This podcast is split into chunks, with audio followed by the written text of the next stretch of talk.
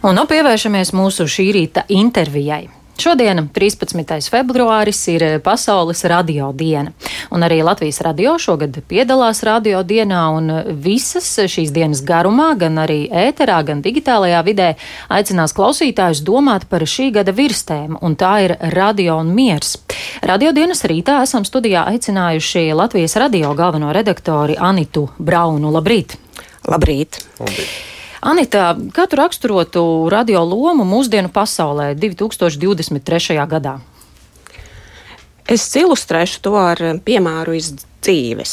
Pagājušajā gadā, neilgi pēc tam, kad bija Ukrainā sācies karš, es um, satiku vienu jaunu, stilīgu puisi. Citā sakarā pavisam um, un uzzinājis, ka es strādāju radio, viņš man atzinās, ka viņš nu patās ir eh, nopircis jaunu mazu radioaparātu. Un tas, man liekas, raksturo to, kāpēc radio joprojām uh, ir un būs svarīgs. Proti, tas ir uh, komunikācijas līdzeklis, kas ir šobrīd svarīgs, bija svarīgs un būs svarīgs ārkārtas situācijās. Respektīvi, cilvēki zina, ja ir kaut kāda krīzes situācija, uh, tad viņam ir nepieciešams radioaparāts, un no tā viņš uzzinās, kā rīkoties, kas ir noticis un tam līdzīgi. Un tas bija brīdis, kad neilgi pēc Ukrainas kara, kad cilvēki Latvijā, arī Latvijā pārdomāja, kā sagatavoties tam, ja nu pie mums sākās um, X vai pienāk X stunda.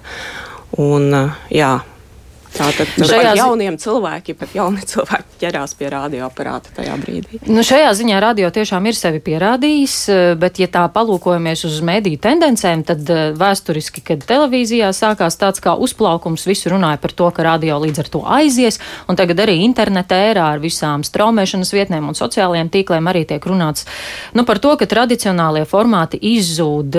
Kā radio ir izdevies noturēt eh, tās savas pozīcijas un kā nākotnē? Nākotnē tās noturēt? Nu, mūsdienu mēdīju, jebkuru mēdīju, ne tikai rādio, spožums un posts ir tas, ka cilvēki informāciju saņem pa ļoti dažādiem un aizvien vairāk kanāliem. Tas pats attiecās arī uz rādio. Ja agrāk nu, tas veids, kā tu klausījies, audiāli kaut ko bija radioaparāts, tad tagad audio saturu tu vari klausīties daudz dažādos veidos. Tas ir tradicionāli, caur radio uztvērējiem, bet interneta pa pasaule ir pavērusi ļoti daudz dažādas citas iespējas. Mūsu klausās audio straumēšanas platformās.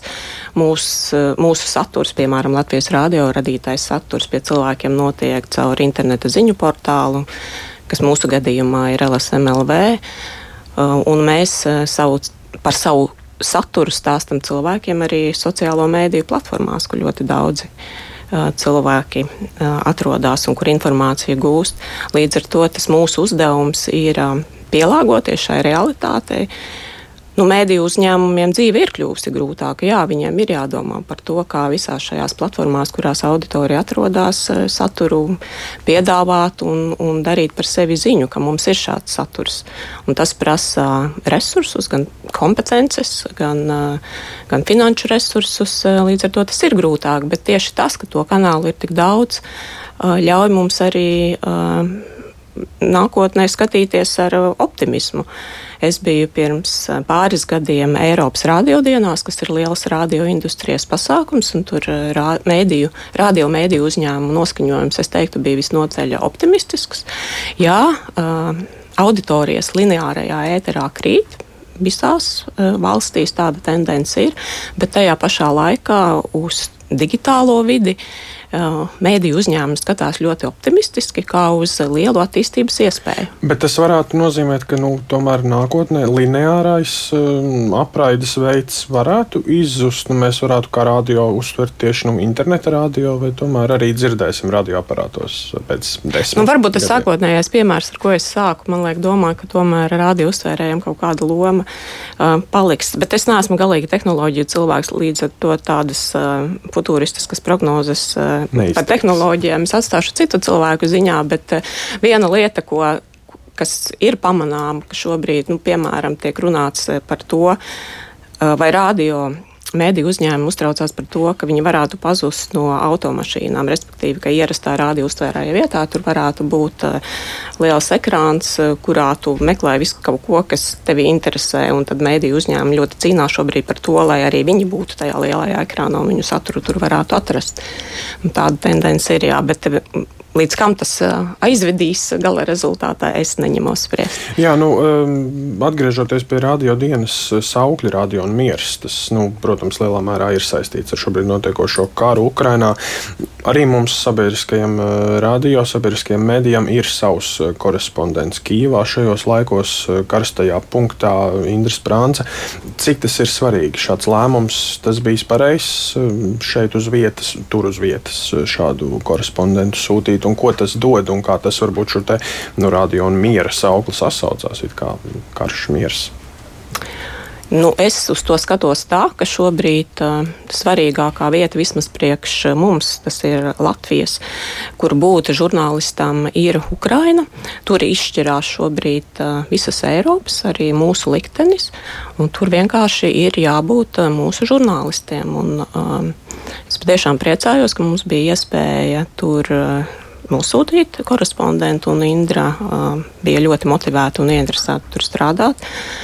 Un, nu, tas, tas, kāpēc tur ir svarīgi būt mūsu pārstāvim, mūsu žurnālistam, un nevis tikai lasīt ziņas no, no, no tās, kuras ir pieejamas starptautiskajā ziņu aģentūrās, ir, tas klātbūtnes efekts dot cilvēkiem lielāku uzticamību, un tam ir lielāka ietekme. Nu, ja viņa tur uz vietas, un lai pastāstītu, ka šobrīd atkal uz Kijevu lido raķetes un ir gaisa trauksme un visiem jādodas uz uh, patversmēm, kaut kā patvērtnēm, uh, tas nu, labāk parāda to kara postu vai tās šausmas, kurai šobrīd Ukraiņi iet cauri. Nu, protams, nav tā pastarpinātība. Nav tā pastarpinātība, jā, tieši tā. Un, es arī uzskatu, ka principā, nu, arī ja mēs pieņemsim, nedodievs, arī Latvijā būtu nezinu, karš vai kaut kāda cita dramatiska situācija. Mēs taču gribētu, lai šeit brauc ārvalstu žurnālisti un, un ziņo par mums, ka mūs neatstāja novārtā, bet ka jā, dokumentē to, kas šeit notiek. Un es domāju, ka tas ir arī mūsu uzdevums, ka mūsu žurnālists ir tur un dokumentē kara liecības. Par to šī gada radiodienas virstēm atgriežoties eh, radio un miers, eh, kā tad mēs radio par to runājot varam tuvoties mieram vai vismaz tuvināt šim mērķim, kas ir mūsu spēkos? Nu, UNESCO uzsaukumā par to, um, kāpēc šī gada radiodienai ir izvēlēts tāds temats, uh, Viņi uzsver, ka radio ne tikai ceļ gaismā dažādas problēmas un, un ziņo par smagiem konfliktiem, bet ka radio spēks ir arī palīdzēt rast risinājumu šiem konfliktiem, smagajām problēmām un tam līdzīgi. Un tas arī kaut vai preventīvi novērš, piemēram, nezinu, sociālos nemierus iekšienē vai, vai, vai saruna ir tas, kas arī novērš no, no kaut kādiem uh, bruņotiem konfliktiem. Un tā ir tā ideja, uh, kāpēc. Um, Šāds temats šī gada radio dienā. Es domāju, ka fonā, protams, tur ir Ukraiņas notikumi tam. Un ko, ko mēs, nu tieši tāpat arī es uz to skatos, nu, profesionāla žurnālistika, ka mūsu uzdevums ir ne tikai um, celt gaismā visas nebūšanas, bet arī piedāvāt konstruktīvus risinājumus tam. Uh, Un to šodien darīs arī Latvijas radio savā ēterā visas dienas visas garumā. Dienas garumā jā. Paldies, Paldies! Šajā mirklī tad teiksim um, Latvijas radio galvenajai redaktorai Anitai Braunai. Paldies. Vēlreiz sveicienu jums, kolēģi, Latvijas, uh, ne Latvijas, bet radio dienā starptautiskajā tulīt jau ziņas.